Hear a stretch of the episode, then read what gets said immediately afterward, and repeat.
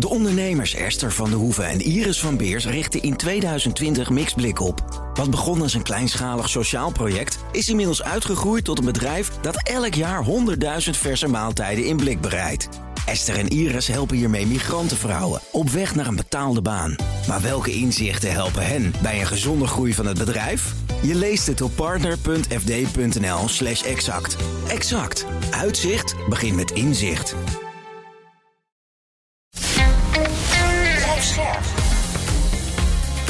BNR Nieuwsradio. Napleiten.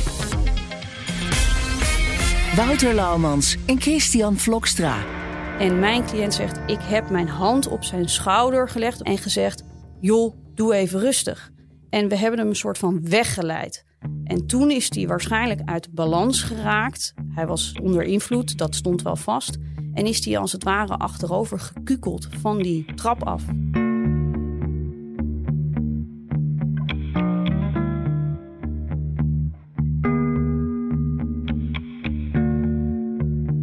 Hallo en welkom bij Napleiten, de podcast waarin we met advocaten en officieren van justitie praten over strafzaken die hen altijd zullen bijblijven. Mijn naam is Wouter Laumans en naast me zit strafpleiter Christian Vlokstra. Welkom Chris. Dankjewel Wouter.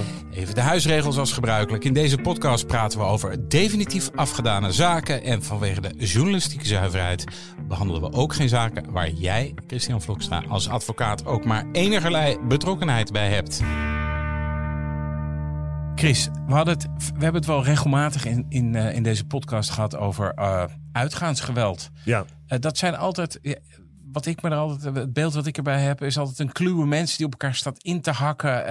en ja, niemand weet eigenlijk wat er precies gebeurt. Nee, dat is natuurlijk altijd het moeilijke van, van ja, meestal geweldsincidenten hè, die plaatsvinden in, in de kroeg of in een discotheek. Ehm, de omstandigheden waaronder dat soort incidenten plaatsvinden. Dus vaak uh, in het donker of althans met lichtflitsen. Mensen die onder invloed zijn. Uh, vaak kluwen mensen door elkaar heen. He. Heel veel verschillende getuigen die verschillende gedeelten van een incident heeft gezien. Ja. Of hebben gezien. En zeker als er geen, geen objectieve getuigen zijn. Hè, dus geen, geen camerabeelden die hè, een incident hebben vastgelegd. Nou, dan is het voor een, een, een, rechter en ook voor een openbaar ministerie en natuurlijk voor een politie altijd heel moeilijk te reconstrueren van hé, hey, wat is hier nou eigenlijk gebeurd en wie is schuldig aan wat. Ja, denk, uh, maar, denk bijvoorbeeld maar aan, aan de Mallorca-zaak. Die, hebben we, die hebben we onlangs besproken bij uh, Proforma, de, ja. de andere podcast ja, daar, zie je dat, maken. daar zie je dat ook. Hè? Dus dat, dat, dat het heel lastig, los nog van hè, de, de, de positie de verdachte zelf innemen door dingen niet te zeggen. Maar ook andere getuigen zien maar ja. gedeeltes van een vechtpartij. Um, en dat maakt het lastig te reconstrueren. En dat maakt natuurlijk voor... voor Kijk, er zitten, ook voor een verdachte zitten er twee kanten aan. Maar je wordt makkelijk beschuldigd. Of je kan makkelijk beschuldigd worden omdat iemand iets zegt gezien te hebben over jou. Maar voor een advocaat professioneel is het ook wel weer uitdagend. Omdat je met heel verschillende getuigenverklaringen natuurlijk... Uh, nou, daar kunnen wij onze lol vaak wel op, zeg maar. Uh, we gaan naar de zaak van vandaag, uh, Chris. Uh, ja. Die speelt zich af in het nachtleven van Etteleur.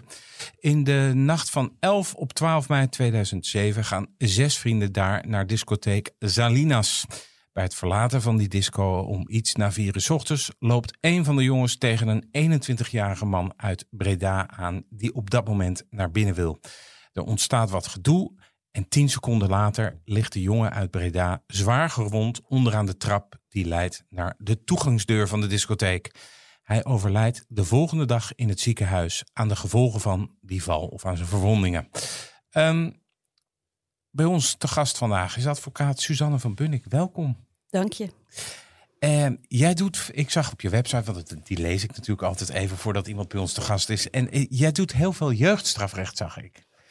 Nou, uh, dat heb ik voorheen wel gedaan. Uh, nu doe ik veel, veel nog jeugdciviel. Uh, en dan met name uit huisplaatsingen en onder toezichtstellingen. Um, en gezagsbeëindigingen, dat soort dingen. En jeugdstraf heb ik in het verleden veel gedaan, maar dat is wat weggeëpt. En hoe komt dat? Kleine jongens worden groot, ja, precies, dus ja. dat, dat speelt mee. Um, en uiteindelijk denk ik wel dat je het jeugdstraf moet je, net zoals andere vakgebieden die ik binnen het strafrecht uitvoer, um, als je dat veel doet, krijg je ook nieuwe zaken daarvoor binnen. En op een gegeven moment is dat door mij op een wat lager pitje gezet. En um, ja, is dat een beetje weggeëpt. Maar het jeugdciviel doe ik nog wel veel. en andere gebieden behandel ik nog wel. Je kunt niet alles doen, hè, Wouter? Zo, Nee. zo is het ook. Um, Ik pleit bij kleinere zaken nog steeds het liefst uit de losse pols, maar ik verzand niet meer in juridische citatie. Dat zei je vier jaar geleden in een uh, interview met het blad Advocatie. Wat, oh. wat is dat? Weet je dat nog? Heb je het zelf wel Wat bedoelde je daarmee? Ja, dat ik, ik uit de losse pols pleiten. Um, nou, ik denk dat ik, ja, kijk, je, op een gegeven moment ben je natuurlijk. Uh, uh, nou, ik wil niet zeggen door de wol geverfd, maar uh, ja, heb oh, je... Suzanne, je bent best wel ervaren, langzamerhand hoor. Kom op. Je, je hebt bepaalde uh, verweren je wel eigen gemaakt. En dan, ik, ik pleit voor mezelf altijd heel prettig als ik natuurlijk wel weet wat ik wil zeggen en een Mhm. begin en een eind heb, maar ik laat het wel een beetje tot mezelf komen en ook wat er gebeurt op zitting, uh, dat erin verwerkt, waardoor het een heel levendig betoog wordt. Dat is denk ik wel wat ik de prettigste manier vind om van te pleiten, want dat uiteindelijk komt het nog wel eens heel mooi, vooral als je een lang betoog hebt en dat alleen maar van papier voorhoudt, nou je, je bent er wel eens bij, Ja, dan uh, uh, kan iedereen nog wel eens een beetje wegzakken. Knikkenbollend uh, ja, aan dat probeer horen, ik ja. wel te vermijden. En, uh, maar goed, dat, ja, ja, je hebt natuurlijk gewoon betogen die je van, van papier af moet pleiten. Wat ik verder las, is dat jij sinds 2008 advocaat bent. Uh, Ja. De zaak waar we het vandaag over gaan hebben, die speelt in 2007. Dat betekent dus eigenlijk dat jij er niet vanaf het prille begin bij uh, betrokken was. Hoe kwam deze zaak bij jou? Ja, dat is een beetje een gekke um, situatie geweest. Ik werd gebeld door de raadsvrouw in eerste aanleg, die de zaak had behandeld in 2008. En die uh, belde mijn uh, toenmalige kantoor. Ik zit nu niet meer bij dat kantoor, maar zij belde toen naar kantoor omdat wij vaker zaken voor haar hadden waargenomen. En dat waren dan met name de overleveringszaken, waarvan de internationale rechtshulpkamer in Amsterdam zat. En uh, zij had vaak van dat soort zaken in haar piket, maar kon dan niet naar Amsterdam afreizen. Dus dan vroeg ze aan ons van, goh, kunnen jullie die zaken doen? En in die hoedanigheid kende ik haar een beetje. En ik had een keer een cursus volgens mij met haar toevallig bijgewoond. En toen belde ze mij en zei ze: Ik heb over tien dagen zitting, maar ik wil deze zaak niet meer doen. En dat was best wel heftig. Um, dat had overigens uh, niet alleen de reden uh, die ik zo zal vertellen, maar één was dat zij onvoldoende voorbereidingstijd meer had, omdat uh, zij door de aswolk destijds in volgens mij IJsland. IJsland was dat. Ja. Uh, was, zij, was, haar was haar vakantie vertraagd, kon ze niet eerder terug. Dus ze had minder voorbereidingstijd. Maar daarnaast wilde ze de zaak inhoudelijk niet meer behandelen, omdat zij niet ex, expliciet was toegelegd op het strafrecht. En um, eigenlijk met cliënt nooit voor mogelijk had gehouden dat hij veroordeeld zou worden in eerste aanleg. En daar zo dusdanig van onder de indruk was. En toen kwam die zaak dichterbij. En toen dacht ze, nou, dit, dit wil ik niet meer behandelen. Want ik ben bang dat ik iets over het hoofd zie. En daar moet een advocaat naar kijken die toch alleen maar strafrecht behandelt. En hoeveel, hoeveel dagen voor de zitting was dit? Tien. Oh. Ik, zie, ja, ik zag jou al bedenkelijk kijken daarnet, uh, Chris. Van, heb jij dit wel eens meegemaakt? Tien dagen voor zitting? Pak nou, ja, ik bedoel niet, niet, niet bedenkelijk naar, uh, naar de advocaat in eerste aanleg. Alhoewel, ja, nee, ik bedoel wel... bedenkelijk in de zin van dat is wel heel kort dag. Nou ja, kijk, uh, als je weet hoe het vonnis eruit ziet en wat er allemaal speelt in deze zaak en wat de belangen zijn uh, in deze zaak, want er was gewoon een gevangenisstraf opgelegd van 12 maanden, maar daar komen we zo meteen wel op. Dan is 10 dagen voor een hoger beroep. Hè. De laatste feitelijke instantie is dat. Dus dat is eigenlijk de laatste instantie dat je echt uh, ja. ook inhoudelijk hè, feitelijk het verschil kunt maken. Nou ja, dat kan, dat kan pittig zijn. Maar goed, dat komt vaker voor. Even los van de reden dat een zaak op een, la een laat moment wordt overgenomen, vlak voor een inhoudelijke behandeling. Uh, maar het beginsel is toch hè, in principe wel dat je als advocaat voldoende voorbereidingstijd moet hebben om die zaak te doen. Dus als Suzanne een zaak hè, krijgt, ik weet niet hoe dat hier was, maar dat moeten we zo even vragen, of dat ga ik zo vragen. hè, maar als je een zaak krijgt, en je, uh, uh, of jij neemt hem aan of een andere advocaat neemt hem aan, maar hij is gewoon te groot om in tien dagen te doen, ja, dan ga je naar de rechtbank of het hof en zeg je, hé, hey, ik zie bij deze situatie, de zaak moet worden aangehouden. Maar de vraag is natuurlijk, Suzanne, hoe zat dat hier? Ja, dat was wel gelijk duidelijk. Uh, dat kon zij ook wel heel goed aan mij uitleggen. Dat er um, met name de camerabeelden van groot belang waren. En dat was ook nog eens een, een, aparte situatie. Dat waren niet camerabeelden zoals we die normaal verstrekt krijgen. Normaal als we camerabeelden opvragen krijg je een dvd'tje. Of tegenwoordig krijg je een digitaal bestand opgestuurd met een soort beveiliging. En dan kan je het op je eigen computer afzien, uh, bekijken. Maar hier was het in een professionele filmstudio uh, volledig per frame uit elkaar getrokken. En ze hadden daar ook in eerste aanleg een schouw op gehad met de rechtbank in die filmstudio had dat bekeken. Dus ik wist al van ja, ik moet dit natuurlijk met cliënt zelf gaan bekijken op die manier. Want dat, dat, die mogelijkheid moet ik ook krijgen. Maar Wanneer heb jij dan voor het eerst die cliënt ontmoet? Dus dat was dan dus dat was, een kort dag dan? Nou, dat was dus uh, nadat ik dit overnameverzoek of over, ja, overnameverzoek van die advocaat kreeg. Toen uh, heeft zij dat met hem kort gesloten en ik heb hem toen voor het eerst eigenlijk in die tussenliggende periode uh, gesproken voor het eerst. Wel met hem telefonisch gelijk kort gesloten. We gaan aanhouding vragen, want ik moet met jou die beelden bekijken. Ja. En ik sloot ook niet uit dat ik nog getuigen wilde horen, want er waren nog helemaal geen getuigen eh, bij de RC eh, gehoord in eerste aanleg. Nou, let wel, Wouter, eventjes hè. Oh, je stak je vinger op. Nou ja, omdat ik hier. Deze situatie is voor een advocaat die de zaak overneemt niet per se fijn, hè? Want de zaak is mooi. Hè? Nou, daar gaan we het zo echt uitgebreid over hebben. Het is een snoepje van een zaak, beste luisteraars. Een snoepje. Maar uh, nee, echt. Er is wel iemand dood, hè? Nee, maar juridisch gezien hè, is het een snoepje van de zaak. Voor alle duidelijkheid, uiteraard. Maar goed dat je het zegt, Wouter. Um, maar zeker juist, en daar wilde ik op ingaan. Juist omdat er iemand overleden is, heb je te maken met nabestaanden. Als jij tien dagen voor een inhoudelijke behandeling aankomt zetten, als een verdachte ook, hè, met een nieuwe advocaat die vervolgens het hof gaat vragen.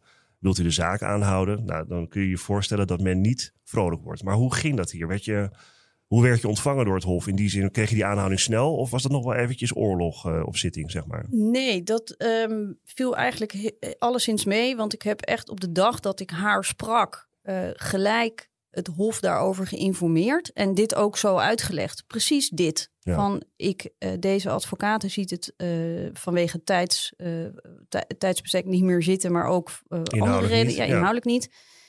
Um, cliënt is vrij. Dat speelde natuurlijk ook wel mee. Um, en ik denk wel dat hij die tijd moet krijgen. En eigenlijk, de AG uh, was ook gelijk heel welwillend. Ik heb daar helemaal geen weerstand in ervaren. Nee. Zij het dat wel vrij kort daarop al de zaak inhoudelijk wel werd behandeld. Dus uiteindelijk is die, ik zeg uit mijn hoofd 17 juni en hij stond uh, in april. Dus het, ging wel vrij snel. Eigenlijk, normaal gesproken zijn we natuurlijk gewend dat een hoger beroepszaak 12 tot 18 maanden en dan gaan we allerlei getuigen horen en dit allemaal doen. En nu was het echt in twee maanden tijd alles wat we moesten doen, hebben we gedaan. Ja, uh, voor de luisteraar, de AG, dat is de officier van justitie in hoger beroep. Ja, ja dat, um, um, wat, voor, wat voor jongen was de uh, beschuldigde? Wat voor iemand was dat? Nou ja, dat was voor mij helemaal een soort van uh, confronterend moment. Want ik las dat vonnis van de rechtbank, waarin toch wel het beeld ja, van nou, het is niet een ordinaire vechtpartij geweest, helemaal niet, maar wel uitgaansgeweld. En dat alleen al die term kleurt natuurlijk zo'n zaak. En dan zie je toch jongens onder invloed, vechten, testosteron. Zo werd het een beetje geschetst. Ja, want, want jouw cliënt die heeft toegegeven dat hij gedronken had die avond ja. en, en uh, cocaïne had gesnoven. Ja, wel heel weinig, maar goed. Ja, ja nee, zeker. maar dat stond in het, dat, uh, dat, dat las ik Las in het vonnis, ja, ja zeker. Um, maar wat voor jongen was het?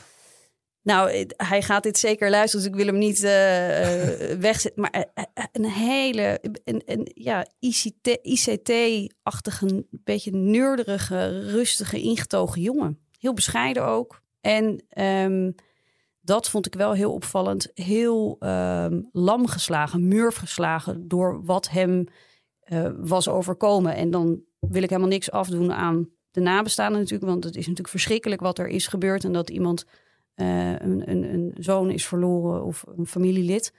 Uh, maar hij, was, hij, hij onderging dit en was al een beetje soort van bezig zijn lot te accepteren. Hij heeft ook op een gegeven moment, ik weet niet of hij dat zich nog kan herinneren, maar ook op een gegeven moment wel gezegd van, nou ja, als het moet, dan moet ik dat maar uitzitten.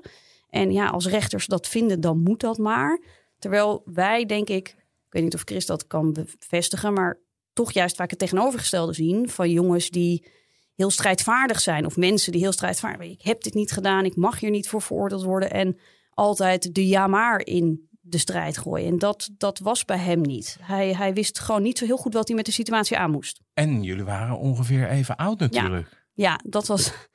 was uh, ik was destijds 29, hij 27 ten tijde van... De, we zaten net nog te kijken. Ik denk dat hij 24 was of 25 toen het gebeurde.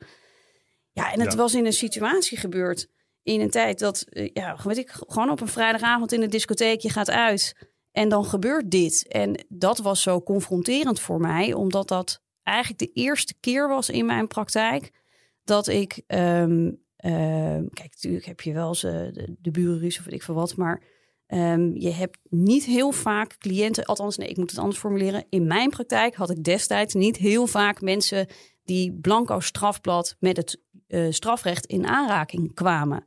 Met zulke zware verdenkingen. En het was natuurlijk een situatie geweest die je zelf ook gewoon heel goed ja, kent. Want ik bedoel, we zijn allemaal wel eens wezen stappen. We hebben allemaal natuurlijk wel eens een nou ja, sterker een situatie waarvan je denkt, dit had mij nou, in principe ook kunnen overkomen. Ik dacht echt, dit is nou bij uitstek het voorbeeld. Iedereen kan met het strafrecht in aanraking komen. Want wat vertelde hij? Wat was er nou precies gebeurd?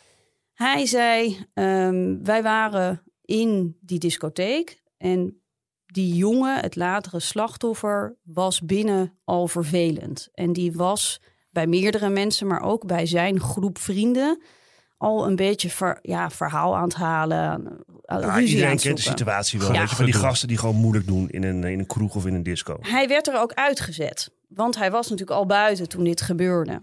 En um, hij, uh, het slachtoffer werd naar buiten, daar uitgezet door de portier. En mijn cliënt en zijn vrienden gingen naar huis op een gegeven moment. Die waren hun jas aan het aandoen. Weet ik veel, die stonden uh, buiten. En toen op een gegeven moment stond mijn cliënt, het was een soort van bordes met een trapje uh, voor die discotheek. En hij stond bij de deur en ziet in zijn ooghoek dat een vriend van hem opnieuw wordt lastiggevallen door het latere slachtoffer. En die, dat latere slachtoffer hangt met zijn hoofd op zijn schouder, zo duwend. Um, en hij duwt hem met één hand van hem af, van joh, doe rustig. En uiteindelijk zijn mijn cliënt en een vriend van hem daar naartoe gelopen. En mijn cliënt zegt: Ik heb mijn hand op zijn schouder gelegd, of op zijn, de achterkant van zijn schouder, en gezegd: Joh, doe even rustig. En we hebben hem een soort van weggeleid. En toen is hij waarschijnlijk uit balans geraakt. Hij was onder invloed, dat stond wel vast. En is hij als het ware achterover gekukeld van die trap af. Ja, want hoe, hoe hoog is dat? Dat, dat, dat, trap, dat, is, dat was ja, niet een hele hoge trap, hè? Nee, het was 1 meter 10, 70 centimeter. Nee, ik heb het gelezen. Het was Ze hebben de, de 75, gemeten, 75 centimeter ongeveer. Ja, dit, uiteindelijk zegt de rechtbank ging uit van een 1,20 meter, maar het Hof gaat uit van veel minder, van vijf, want ze tellen een bepaald deel niet mee. Ja. En ja, misschien even goed voor het beeld. Ik, ja, ik heb het toevallig gelezen. Bordes 6,9 meter breed, 3 meter diep. Weet je, met een dat is gewoon een toegangstrap. Ja, gewoon ja, met een bordes. Weet je, waar dan mensen staan die binnen naar buiten gaan. Die staan daar. Ja, er zullen wel meer mensen gestaan hebben, neem ik aan. Uh, ja, ja, want het Was het, de discotheek ging dicht, dus het was druk. Ja. Uh, Oké, okay, dus die, het slachtoffer valt er vanaf. En wat was nou precies het letsel? Want hij is gelijk eigenlijk vrij snel zwaar gewond afgevoerd naar het ziekenhuis. Dus het was, uh, hij is daar vanaf gevallen en heel ongelukkig terechtgekomen, kennelijk. Ehm, wat was het letsel? Wat, wat, had hij?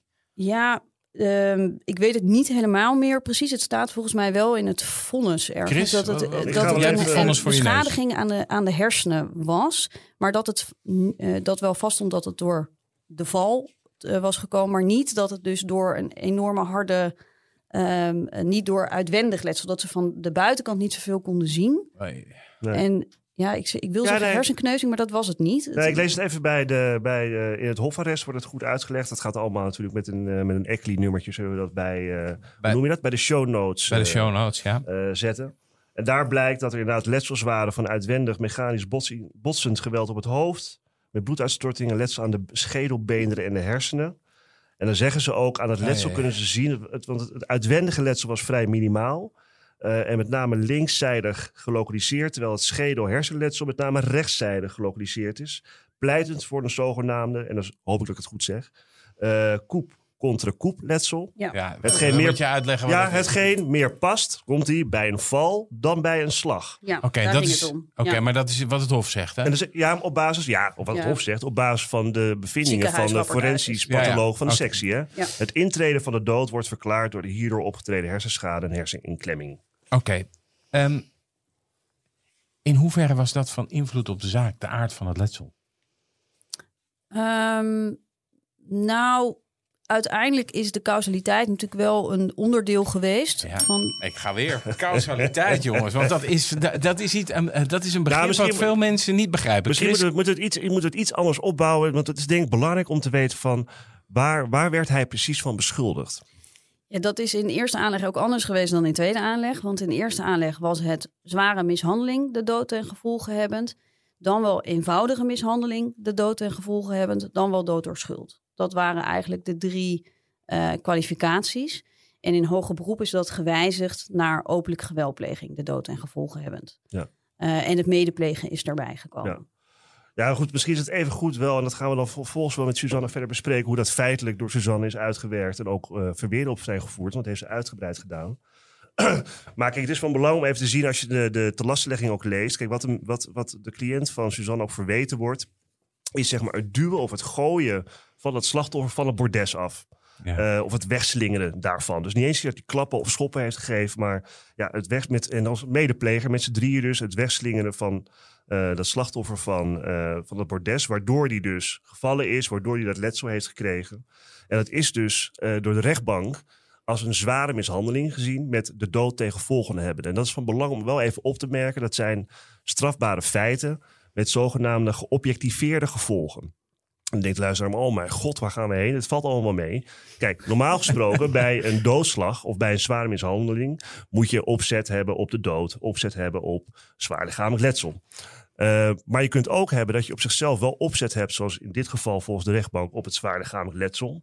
Uh, maar niet op de intrainde dood daarna. Weet je, omdat zeg maar de handeling die jij verricht hebt, uh, zowel in voorwaardelijk opzet als in boos opzet, hè, is niet Nee, je, hebt, je wilde even iemand pijn doen. Nou ja, goed, je geeft iemand een duw, die valt ongelukkig neer. Weet je, dat, dan is jouw duw niet gericht geweest op de dood, op geen enkele manier. Ja. Um, alleen die dood, die kan wel aan je toegerekend worden, noemen we dat. En Want als jij niet geduwd had, was het niet gebeurd. Precies, omdat hij in een kausaal verband staat tot zeg maar jouw handelen. Mhm. Ehm, eh, en het dus ook aan jou toegerekend kun, kan worden. En dan kan in de strafmaat kan dat zeg maar uh, nou, dat kan dat schelen. Dat is een soort risicoaanspraakheid, zou je bijna kunnen zeggen. Deze zaak is, is, is en daarom noem ik het een snoepje van een zaak. Dat zei ik natuurlijk vanuit mijn juridische enthousiasme. Want kijk, het gevolg is verschrikkelijk. Uh, dat mogen helder zijn. Maar kijk, in deze zaak spelen alle, of bijna alle klassieke leerstukken van het materiële strafrecht. Ja, ja? leerstukken, Chris, Kijk, in het materiële strafrecht, het gaat zeg maar over de strafbare gedragingen van mensen die leiden tot strafbare feiten. Dus we hebben het dan niet over het formele strafrecht, van hoe werkt een strafproces en voorfouten, dat soort dingen allemaal.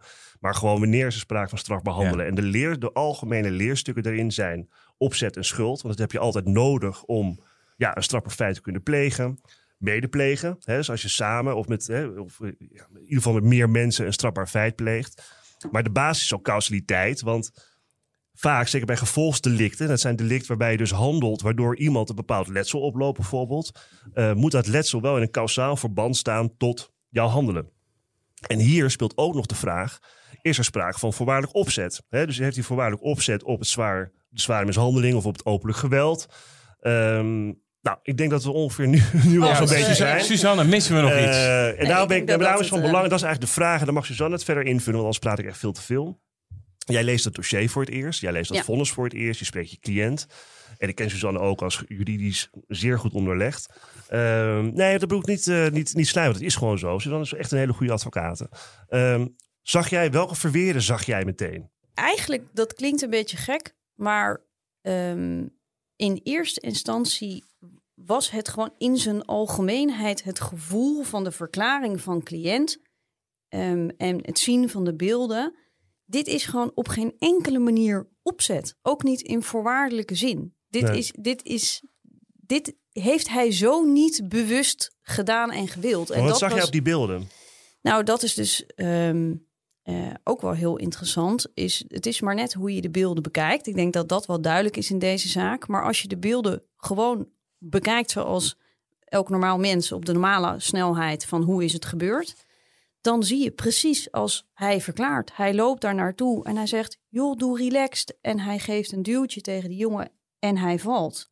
En dat is iets heel anders dan hoe de rechtbank uiteindelijk, naar mijn idee, die beelden een soort van gedenatureerd heeft door ze frame voor frame te gaan bekijken. En daar een volledige, hele subjectieve uh, benadering aan heeft, uh, subjectieve uh, ja, benadering heeft gebruikt om het vonnis zo te schrijven dat het een veroordeling werd. Ja, ja. ja maar dat zie je ook. Hè? In, het, in het vonnis van de rechtbank zie je ook dat de, de rechtbank op basis van de beelden, want er waren kennelijk videobeelden van het incident, zegt dat deze drie jongens eigenlijk uh, uh, het slachtoffer als het ware hebben opgetild, zeggen ze. Het slachtoffer is los van de grond, waarbij zijn gezicht naar de lucht is gericht en zijn hoofd in de richting van de parkeerplaats voor het bordes. En boven het einde van het bordes wordt het slachtoffer losgelaten. En dan is te zien dat de verdachte nawijst. Ehm, uh, en op grond daarvan zeggen ze dus, en dat is echt, echt essentieel, en dan, dan zie je dus hoe essentieel feitenvaststelling is. Doordat ze dus vaststellen dat de verdachte onder andere die jongen eigenlijk heeft, soort heeft losgelaten boven dat bordes, weet je, of boven die trap, waardoor hij dus een meter naar beneden viel. Dat hij daarmee de aanmerkelijke kans heeft genomen dat er zwaar lichamelijk letsel zou ontstaan. En dat hij dus daardoor ook uh, uh, de dood aan hem toegerekend kan worden. Omdat ja, zijn gedraging is een belangrijke stap zeg maar, in die causaliteit, voorwaarde dat die dood is ingetreden. Ja. Ik hoor dus dat jouw cliënt niet alleen uh, is geweest. Dus daar, er zijn ook andere mensen vervolgd. Hè? Er is één andere jongen vervolgd, wel pas. Die, bij mijn weten lag die vervolgingsbeslissing er nog niet toen hij werd vervolgd uh, voor, in eerste aanleg bij de rechtbank. Jouw cliënt werd vervolgd. Ja, en toen werd, kwam het veroordelend vonnis. En toen hebben ze uiteindelijk ook, maar dat moet, weet ik niet 100% zeker. Uh, in ieder geval is het wel zo dat mijn cliënt de enige was die destijds is aangehouden geweest en ook zes dagen in voorlopige hechtenis heeft gezeten. Um, en die, die, die tweede jongen die is uiteindelijk vrijgesproken omdat ze daarvan zeiden daar um, kunnen we niet van vaststellen dat hij echt een actieve rol heeft gehad. We kunnen vaststellen dat hij op de beelden is te zien. En overigens, dat vindt de rechtbank in de zaak van mijn cliënt weer niet. Eh, zonder dat ze zeggen dat er samen is gewerkt, zeggen ze wel dat hij een actieve rol heeft gehad. Ja, dus, hier zeg je iets heel opmerkelijks. Hè? Dus jouw cliënt is door een andere combinatie van rechters bij de rechtbank, uh, rechtbank veroordeeld. Hè, wel dezelfde rechtbank. Maar de medeverdachte is door een andere combinatie rechters. Want dat viel mij al op. Ja, dan hoor ik advocaten zo vaak over, uh, over de combinatie, de combinatie. We hebben het ja, maar hier, maar hier zie je het eventjes. Dus, want haar cliënt, de, de, cliënt van Suzanne, toen het nog niet, hè, maar toen de tijd bij de rechtbank, wordt wel vrijgesproken van het medeplegen van die zwaar mishandeling ten dood en gevolgen hebben. Ja. Uh, omdat ze dus zeggen, uh, nee, die wordt, niet, die wordt er wel voor veroordeeld, omdat ze die andere jongens ook een actieve rol toebedelen, waardoor ze medeplegers worden. Maar die nee, nee, ze hem, spreken hem vrij van het medeplegen. Ja. Omdat ze zeggen er is niet bewust samengewerkt. Oh, die bewust samengewerkt. Maar doordat ze met z'n drieën belandt die jongen op de grond. Ja. En nou krijgt Chris je dus even een het lesje. fascinerende aan deze uitspraak. Dat ze zeggen, ja, er is niet nauw en bewust samenwerkt. Maar het is wel door hun drieën dat hij daar Ja. terecht is gekomen. Maar die andere rechtbankcombinatie, die, zegt heeft nee. überhaupt geen actieve rol gezien. Nee, de andere combinatie van de medeverdachte, die heeft gezegd nee. Het is ehm, op basis van het vonnis dat al is geweest, is het sowieso mijn cliënt geweest die dat Ja. heeft gedaan. Maar wat al die andere jongens, die stonden erbij. Maar we kunnen niet vaststellen wat hij heeft gedaan. Terwijl, ehm, en dat bedoelde ik met dat denatureren van die beelden, is dat je ziet wat de rechtbank in mijn zaak heeft gedaan. Is dat ze echt zeggen: we zien shot 1, een hand daar, een been hier, eh, Ja. een hoofd die kant op. En, en dat hebben ze bij elke frame gedaan. En daar hebben ze een soort van invulling aan gegeven. En zij zeggen bij die medeverdachte: wij zien op een gegeven moment dat hij zijn arm, zijn hand bij de knie heeft van eh, het slachtoffer. En daarmee lijken ze een beetje te insinueren dat hij een soort van ook meegaat in die beweging. Dat zeggen ze ook, van we zien dat hij meegaat in de beweging van het slachtoffer als hij van het bordes afvalt. Ja. Ehm, eh, maar ze zeggen ja, met andere woorden, hij heeft hem ook aangeraakt. Daarvan zegt de, de- dezelfde rechtbank nee, dat heeft hij niet. Jeetje, Ehm, en, en uiteindelijk zegt hij, maar het is niet bewust samen gebeurd. Ehm, dus we houden alleen mijn cliënt ja. ervoor verantwoordelijk. Nou, voor de mensen die... die ik, ik, ik snap er helemaal niks meer van Nee, eigenlijk. het is ook een hele bizarre situatie. Ja, maar kijk, wat hier gebeurt, en dat maakt het zo bizar, is dat op basis van dezelfde beelden de hele tijd verschillende feitelijke conclusies worden getrokken van wat er Ja. nou eigenlijk is gebeurd. Met verschillende gevolgen voor de verschillende verdachten. Want haar cliënt krijgt twaalf maanden hè, bij de rechtbank. Ja, en dan denk ik met mijn eh lekenbreintje, eh, goed, dan hebben we dus, dan zijn getuigenverklaringen dus extreem belangrijk. Ja, om heel eerlijk te zijn, of juist niet. Eh, omdat-? Nou, ehm, getuigenverklaringen zijn toch ook vaak een, een ehm, subjectieve invulling achteraf. Mhm. Ehm, en dat is helemaal niet bewust, of dat, dat doen mensen vaak helemaal niet bewust. Maar deze zaak had natuurlijk ook de nodige media-aandacht gekre- gekregen. En wat mij direct opviel, en dat is ook de reden waarom ik nog een aantal getuigen wilde horen, is dat ze letterlijk in het verhoor de beelden die ik bekeken heb in de studio getoond kregen. Oh. En want dan zeiden ze, goh, kan je verklaren wat je hebt gezien? Daarnaast is iedereen natuurlijk ook wel, het was vier uur s'nachts in een niet hele heldere... Ah, mensen hebben gewoon gezopen. Ja, dat, Ja. Is, dat, is, dat is ook van invloed vaak. En dan zeiden ze, ja, volgens mij is het dit en dit en dit. En dan kon je dan zien waar die stond. Nou ja, ja ik denk daar, maar dat weet ik ook. Weet je nog, want dan, dan gaat zo'n politie natuurlijk ook denken... ja, we moeten natuurlijk weten wie zijn hand waar zat Ja. en weet ik veel. Ja, dan krijg je eigenlijk een soort van geleide herinneringen. hè. Er worden aan de Ja. hand van de beelden worden, moet je het verder gaan invullen eh, alsof het uit Ja. je herinnering komt. En dat is uiteindelijk ook dat je zowel in... Nou, trouwens, bij de rechtbank eh, maken ze nog wel een melding van twee getuigenverhoren... die ze dan van belang vinden. Maar ehm, zoveel mensen, zoveel meningen. En dat zag je. Iedereen zag wat anders. En dan zou je dus denken... maar we hebben de beelden nog, dus die eh, geven wel uitsluitsel. Maar dat is gewoon het fascinerende in deze zaak... is dat er negen rechters, of althans zes rechters... en, en drie raadsheren naar gekeken hebben... en dat iedereen wat anders heeft vastgesteld. Want jij zag die beelden. Ja. Jij denkt, wat is hier gebeurd? Ik Als je ook het vonnis leest. Ja, ik, ik, ik mocht ze eh, volgens in mijn herinnering vrij snel zien. In die, ik kreeg het dossier. Toen bleek ook nog eens dat ik een deel van het dossier niet had. Dus daar moest ik even op wachten. En toen kreeg ik uiteindelijk het dossier. En toen ging ik met mijn cliënt dit bekijken. En toen dacht ik, nee, nou ja, dit, dit, nee. Hoe kan dit nou een veroordeling zijn? Want wat zag jij wel of niet zelf op die beelden? Weet je dat nog? Eh, ehm, nou, als je het gewoon in de snelle en de normale afstand, precies wat ik net zei. Dus gewoon echt mijn cliënt die de boel overduidelijk probeert te sussen. En overduidelijk aan de lichaamshouding zag je, joh, kalm, rustig. We lossen het op, niks aan de hand. Ga gewoon naar huis en dan is het klaar. Ik vul het nu even ook Ja. zelf in. Maar goed, dat zag je aan zijn. Er was helemaal geen agressie. Het was niet één testosteron gebeuren van je moet nu weg en weet ik veel. Ehm, dus dat. En toen gingen we uiteindelijk eh, die beelden, omdat die studio was daar ook bedreven in, die ging gelijk frame voor frame laten zien. Man. Daar zijn we ook uren mee bezig geweest. Want dan gingen ze weer, eerst letten ze, dat hadden ze op zich slim gedaan. Eerst gingen we het hele frame voor frame bekijken op basis van mijn cliënt. Van waar stond dan mijn cliënt? Waar stond het slachtoffer? Waar stond die? Ja. Waar stond die? Nou, daar zijn we uren mee bezig geweest. En toen dacht ik, ja, toedeloe, zo kan ik er nog wel een tien. Want wat er gebeurt is dat je dus ziet dat de rechtbank zegt... ja, ik zie een arm nu daar... En dus heeft hij hem geduwd. En dus heeft hij hem gegooid. Terwijl het, en om, dus... het om een frame gaat van... Even, even voor onze luisteraar, hè, want sommige mensen weten natuurlijk niet wat een frame is. Een frame, ehm eh, één seconde beeld. Dus als je één seconde televisie kijkt, dan heeft dat 24 of 30 frames. Dus, Ja, dat, is, dus dat zijn eigenlijk fotootjes per seconde. Zo moet je het een beetje zien. Dus, dus jij hebt, eh, als je frame voor frame gaat kijken, als je dan 30 frames hebt gezien, dan heb je één seconde beeld gehad, zo'n beetje. Ja, en dit ging uiteindelijk om de val duurde niet langer dan twee seconden. Ja, dus dat En zijn het- 60 frames. Ja, en het, het akkefietje, of het moment dat mijn cliënt bij de deur staat en aankomt Ja. en dus zijn hand op die schouder legt, eh, duurt uiteindelijk 10 seconden. Ja, dus dat zijn. eh, eh, 300 frames Ja. in, het, in het slechtste geval. Ja. ja. Ja, kijk, kijk, eh, eh, je kunt je allemaal ook wel zo'n situatie voorstellen. Hè, dat je op een bordes staat met zo'n trapje. Nou, kijk, ik ben een klunzige man, hè, dus ik flikker heel vaak van trapjes af. Zeker in dit soort situaties. Maar je kunt je voorstellen, Als je er een staan beetje allemaal... onder invloed Nou, bent. ook gewoon broodje nuchter hoor, soms Ja. vroeg. Nee, maar dat je, dat, dat je met meerdere mensen op een bordes staat. Hè, ontstaat opeens consternatie.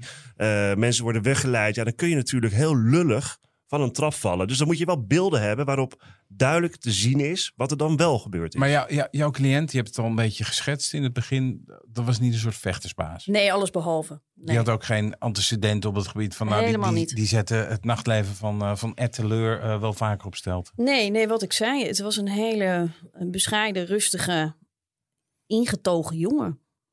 Ja, dus het paste totaal niet bij het beeld dat ik in eerste instantie een beetje tot mij had genomen uit het vonnis. En vond hij het erg wat de gevolgen waren van die, van die, van die avond? Er is, een- ja, wat ik zei het al, er is wel iemand Ja. overleden natuurlijk. Dat, daar, moet, daar zou ik heel erg mee zitten. Als je zegt, nou joh, ik, geef, ik zet iemand aan de kant of ik, ik, en die valt. En dan denk je, jeetje, had ik, Ik- dat maar nooit gedaan. Ik denk dat dat ook ehm, zijn grote kracht ergens was bij de behandeling in hoger beroep, is dat hij daar heel oprecht in was. En nooit de ja-maar kaart heeft gespeeld. Hij heeft nooit gezegd, Uh, het is heel erg voor deze mensen, maar ik heb het niet gedaan en ik mag niet veroordeeld worden. Hij wist dat heel netjes te verwoorden, want um, ik was juist degene die tegen hem zegt: uh, hey joh, dit, deze veroordeling is niet oké. Je, je mag hier niet voor veroordeeld worden. Dit is zo ongelooflijk onrechtvaardig. Dit klopt gewoon niet. Niets afdoen aan het leed. En hij moest daar juist een soort weg in vinden, omdat hij dat soort van lot ging accepteren. Dus hij heeft dat op zitting in hoger beroep heel goed wel weten over te brengen. Ja, want vaak bij dit soort zittingen, hè, dan komen er ook natuurlijk allemaal nabestaanden naar, naar de zittingszaal. Was dat hier ook zo? Ja, en dat was heel uh, heftig natuurlijk. Um, deze mensen, er was een hele grote groep familie was daarop afgekomen. Die droegen allemaal een t-shirt met een foto van het overleden uh, slachtoffer om hem te eren. En het verdriet was natuurlijk ontzettend goed voelbaar. En naar ik begreep van de advocaat in eerste aanleg, is dat mijn cliënt daar zo van onder de indruk was dat hij dus ook op zitting een beetje dichtsloeg. Ja. En dat is denk ik ook van invloed geweest, toch op hoe komt je verklaring over? Hoe authentiek ben je en hoe overtuigend ben je naar de, de rechters geweest? En ik heb dat heel erg met hem geoefend, ook wel in, in hoger beroep. Nou klinkt het een beetje of alsof het in scène is gezet, maar dat was het helemaal niet. Want het was gewoon hoe het was gebeurd en de beelden die, die ondersteunden dat. Maar hij moest daar natuurlijk wel in begeleid worden, want hij had dit nog nooit eerder gedaan. Wat geestig dat, dat je zegt een soort repetitie, een soort oefening. We, hebben het hier ook wel eens vaker gehoord. Maar ik moet dan altijd een beetje denken aan zo'n zo'n Hollywoodfilm. Hè? Dat je met een, met een cliënt gaat zitten en zegt van nou, het zo'n voor, getuige voor of jou, jij wordt op die wijze verhoord. Hoe gaat zo'n zo'n repetitie? Um, nou, ik doe het niet altijd hoor, moet ik zeggen. Maar in deze zaak um, wel, omdat ik natuurlijk wel heel goed wist dat het um, echt wel hing op hoe hij over zou komen op zitting en hoe authentiek hij ging verklaren. En dan is het eigenlijk, voor zover ik dat kan natuurlijk, maar speel ik daar de voorzitter of de rechter die hem gaat ondervragen. Van oké, vertel maar, wat is er gebeurd? Ja. En hem ook wel uitleggen, dit zijn je pijnpunten, hier gaan ze op doorvragen. Uh, en, en wees daar ook op voorbereid. En daar heeft hij, denk ik, um, uh, ook heel in een hoge beroep benadrukt hij natuurlijk ook de hele tijd van ik heb dit nooit gewild. Ik heb hem niet naar beneden willen duwen. Dat is helemaal niet wat er is gebeurd. En dat had hij, denk ik, daarvoor, uh, als je zijn verhoren ook las bij de, uh, bij de politie en bij de rechtercommissaris dat werd hem overigens ook verweten. Overigens deed iedereen dat. Maar hem werd het verweten is dat hij wat wisselde in zijn verklaringen. Omdat zijn geheugen natuurlijk ook werd beïnvloed. En hij ook een beetje verward overkwam. Dat hij gewoon een beetje verslag was van wat er gebeurde. En um, ik denk dat door tijdsverloop en goede voorbereiding hij uiteindelijk daar een solid verhaal had. Wat gewoon overeenkwam. En wat zo was het ook gewoon gebeurd. Mag ik vragen, hè? want die, die, die videobeelden waren natuurlijk extreem belangrijk. Hè? Voor, voor het vonnis ook van de rechtbank, natuurlijk ook voor het Hof. Uh, je vertelde, ik heb die, die, die beelden. Is er ook een, want het, eh, vertel je, is er ook een schaal geweest in hoger beroep? Of die beelden op zitting vertoond? Nee, ja. uh, die schouw is er, is er geweest, maar dat was wel voordat ik erbij betrokken was. Dat hebben ze, heeft de, het Hof gewoon zelf gedaan. Ja, ook in hoger beroep is dat gebeurd. Ja, ja. zeker. Even een schouw. Een schouw ja, is dat schouw je gewoon met z'n allen gaat kijken naar die videobeelden. Ja, maar dat je dat dus op een andere locatie doet. Hè? Dus dit dit gebeurde, dit uh, ken ik uh, op, in de videostudio. Ja, dus, die, die, die, die, dus het Hof had die beelden al goed bekeken. Dus even juridische dingetjes wel van belang, Wouter, in die zin. Kijk, beelden aan zich maken geen, zijn geen onderdeel van een dossier. Dus uh, die beelden moeten vertoond worden. Hè, er wordt een proces verbaal van gemaakt. Hè, dat zit, dat zit uh, in, het, in het dossier. Maar als je zelf natuurlijk zelf die beelden echt wil gebruiken, moet je ze zelf ook zien eigenlijk. En dan moet de rechtbank of het hof moet een eigen waarneming doen van wat ja. zien wij op die beelden. Um, was daar zeg maar uit die eerdere schaal al, hè, dat moet zo kenbaar maken, hè, van wat, ze, wat hun waarneming dan is. Kon je daar, weet je dat nog, of je daar iets uit kon aflezen, of het de goede kant op ging, of dat, dat ook weer niet? Nee, dat kan ik me niet meer nee. herinneren. Ik weet wel, maar dat baseer ik op het arrest, dat ze um, heel feitelijk naar de zaak gekeken hebben. Ja. In tegenstelling tot wat er natuurlijk in het vonnis gebeurd was, hebben ze gewoon gekeken, wat zien we nou? Ja. En niet wat menen we te zien of welk gevoel krijgen we erbij? Nee, wat zien we? Wie staat waar en wat doen ze? En um, uiteindelijk zijn dat ook maar vier vaststellingen. Ja. We zien dat hij valt. We zien dat er een hand ligt. En we zien dat hij, we zien iemand uit beeld verdwijnen. Ja. Wat werd er geëist in hoog beroep? Uh, ook 12 maanden, of 18 waarvan 6 werd er geëist. Ja. Zo. Ja, dat was nogal wat. Uh, en wat heb jij bepleit? Um, een heleboel. een heleboel. ja. Uh, nou, in hoger beroep is daar ook nog openlijk geweld, de dood en gevolgen hebbend, bijgekomen. En het medeplegen kwam ja. daarbij, uh, wat strafverzwarend is. Um, en dat was in die zin ook wel weer een beetje gek, omdat dus die medeverdachte uh, was vrijgesproken in eerste aanleg en daar dus de feitelijke vaststelling kwam, hij heeft eigenlijk erbij gestaan, maar geen. Maar ja, dat was natuurlijk ook een beetje. Ik denk dat uh, de AG misschien ook wel zag van ja, in het vonnis wordt er toch een soort van uitgegaan van met een bijdrage. Ja, ja, met z'n drieën uh, gedaan. Alleen wat um, wel. Waren twee dingen heel erg van belang bij het openlijk geweld. Als je daar de um, strafverzwaring uh, toepast, dan heb je wel een bewijsmiddel nodig waaruit blijkt dat je dat kan toerekenen of aanrekenen en toeschrijven aan één, in ieder geval één iemand of mensen die daarvoor verantwoordelijk zijn. Dat kunnen natuurlijk ook.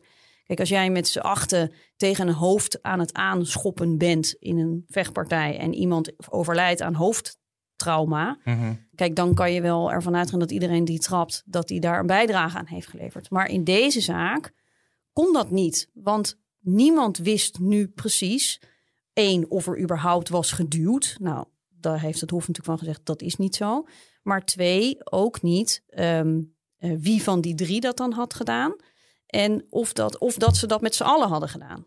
En het, de AG die maakte daar eigenlijk een hele makkelijke opmerking over. Die zei, ja, ze, hebben, ze stonden daar met z'n drieën en ze hebben alle drie een beweging gemaakt. En dus zijn ze alle drie verantwoordelijk voor die doodpunt. Mm -hmm. En daar heeft het Hof wel direct van gezegd, nou, nee.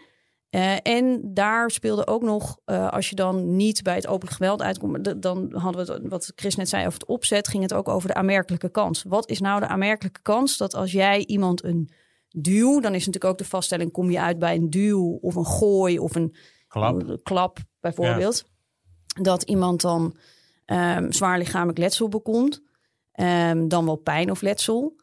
En dat is echt fascinerend hoe, naar mijn idee, de rechtbank daar echt sneert naar mijn cliënt. Want dan zeggen ze: elk weldenkend mens weet dat. En het mooie is dat het Hof daar echt volledig een streep doorheen zegt van nou dat kan je gewoon niet verwachten dat als jij er naartoe loopt om de boel te sussen en jij geleidt iemand weg, dat hij dan naar achter valt en dan overlijdt. Dat is niet een aanmerkelijke kans. Maar daar timmert de rechtbank wel zijn vonnis helemaal mee dicht. Ja. Elk weldenkend mens. Ja. Dan word je dus ook even weggezet als zijnde niet weldenkend. Terwijl... Nou, en dat, vind, dat was wel echt chockerend hoe ze mijn cliënt daar zo hebben, terwijl ja. ik er niet bij was, zeg ik gelijk. Maar Ja. ik vond dat chockerend om te lezen hoe hij daar zo werd weggezet. Maar het is, het is eh, zeer aan te raden om het, om het arrest van het Hof te lezen. Ja, eigenlijk moet je het Eh, vonnis en het arrest. Ze staan allebei in de show notes. Dus ja, maar zeker ook de, als het gaat om de juridische overwegingen ten aanzien van het opzet, en ten aanzien van de schuld, en ten aanzien van het medeplegen en ook ten aanzien van de causaliteit. Het Hof legt eigenlijk heel helder uit eh, Ja. waarom er geen sprake is van, hè, van boos opzet op letsel of geweld. Waarom er geen sprake is van voorwaardelijk opzet op geweld. Waardoor, waardoor eigenlijk de openlijke geweldpleging, de zware mishandeling allemaal al wegvalt.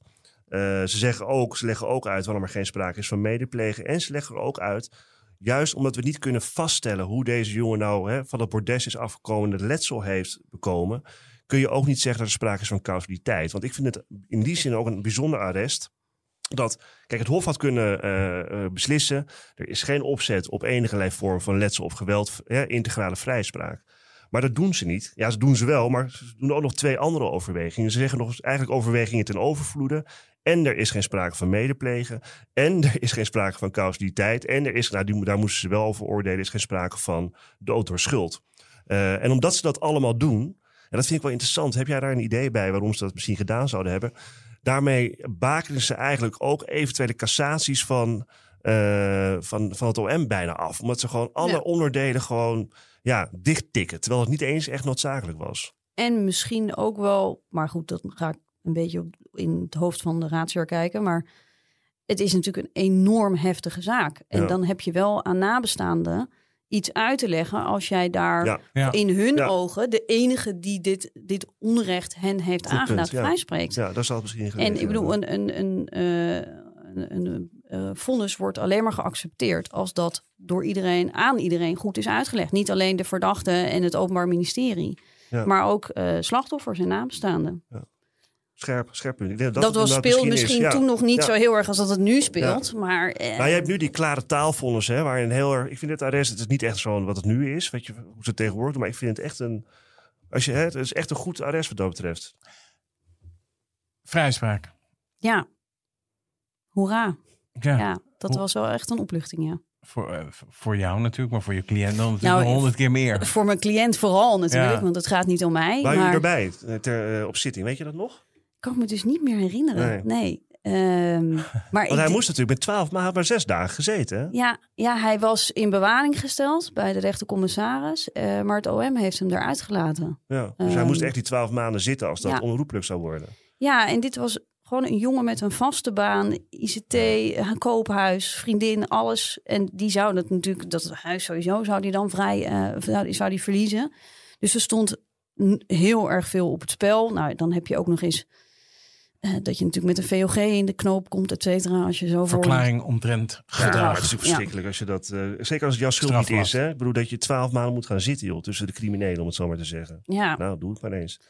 Wat mij dus eigenlijk opvalt, wat het de kern is van deze zaak, is dat de, de, de rechtbank dus veel meer gezien heeft dan, dan het Hof eigenlijk. Nou, en twee keer, want dat, is, dat hebben we net eigenlijk niet besproken. Maar in die zaak van de medeverdachte werd bijvoorbeeld ook gezegd dat de rechters uh, de beelden hadden bekeken, ook middels een schouw. En dat ze zeiden dat mijn cliënt het slachtoffer bij de nek had gegrepen. Nou, ik heb de beelden heel vaak gezien, maar met al mijn goede bedoelen kon ik dat er ook al niet, of ook al niet, kon ik dat er echt niet uithalen. Maar dan zie je dus dat iedereen leest er echt daadwerkelijk anders in. En het idee van ja, beelden spreken de waarheid en dan komen we er wel uit. Dat gaat dus niet op. En dat maakt het ook wel weer heel, um, om, uh, ja, heel uh, onberekenbaar, wil ik zeggen. Heel ja. uh, angstig ook voor ja. verdachten. Van ja, het is maar net welke rechter er zit en wat vindt hij ervan. Maar kun je nagaan. Hè? Dus als je dus negen rechters hebt, hè, die de, de beelden in alle rust hè, tijdens een schouw en misschien nog in raadkamer later kunnen bekijken. En die komen dus in drie uh, trio's zeg maar, tot verschillende feitelijke vaststellingen op basis van die beelden. Hoe moet, als je zoiets hebt met getuigen, die gewoon ter plekke live het één keer zien, hè, wat er gebeurt, één keer zien. Hoe moet je daar dan van verwachten? Wat is de waarde van verklaringen nog? Als zeg maar daar ook verklaringen uiteenlopen, interpretaties uiteenlopen. En je hebt niet eens camerabeeld. Je hebt het alleen maar één keer gezien terwijl je drie uh, bako's uh, achterover had gehakt, zeg maar. Weet je, het geeft maar aan dat de interpretatie van wat er feitelijk gebeurt is zo lastig. En zeker in zo'n zaak. En dan met een nabestaan, met nabestaande, een jonge jongen die overleden is, verschrikkelijk. Een jonge jongen uit het leven gegrepen die verdachte is. Ja, het is echt fascinerend deze zaak, uh, Wouter. Suzanne, hoe kijk jij nou terug op deze zaak?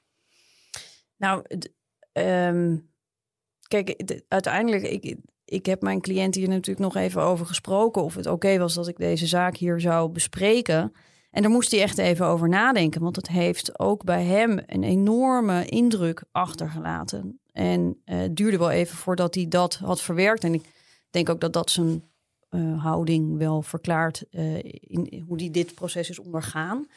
Maar uiteindelijk is het resultaat natuurlijk heel uh, voor hem gewoon heel goed geweest. En heel, het was echt een rechtvaardig arrest. Um, en het deed in ieder geval mijn, mijn geloof in de rechtspraken weer even herstellen. Ja. Dus ook geen cassatie gevolgd, hè? Nee. Nee.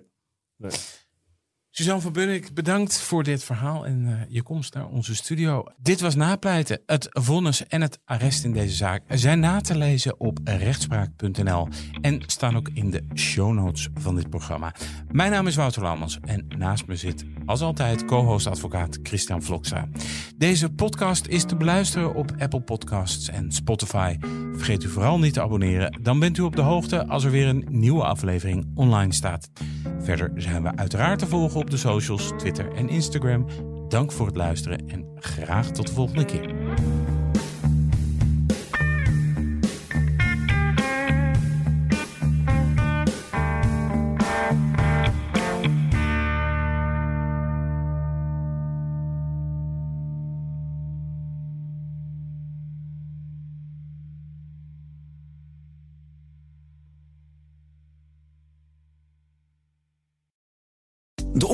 Esther van de Hoeven en Iris van Beers richten in 2020 Mixblik op. Wat begon als een kleinschalig sociaal project, is inmiddels uitgegroeid tot een bedrijf dat elk jaar 100.000 verse maaltijden in blik bereidt. Esther en Iris helpen hiermee migrantenvrouwen op weg naar een betaalde baan. Maar welke inzichten helpen hen bij een gezonde groei van het bedrijf? Je leest het op partner.fd.nl/slash exact. Exact. Uitzicht begint met inzicht.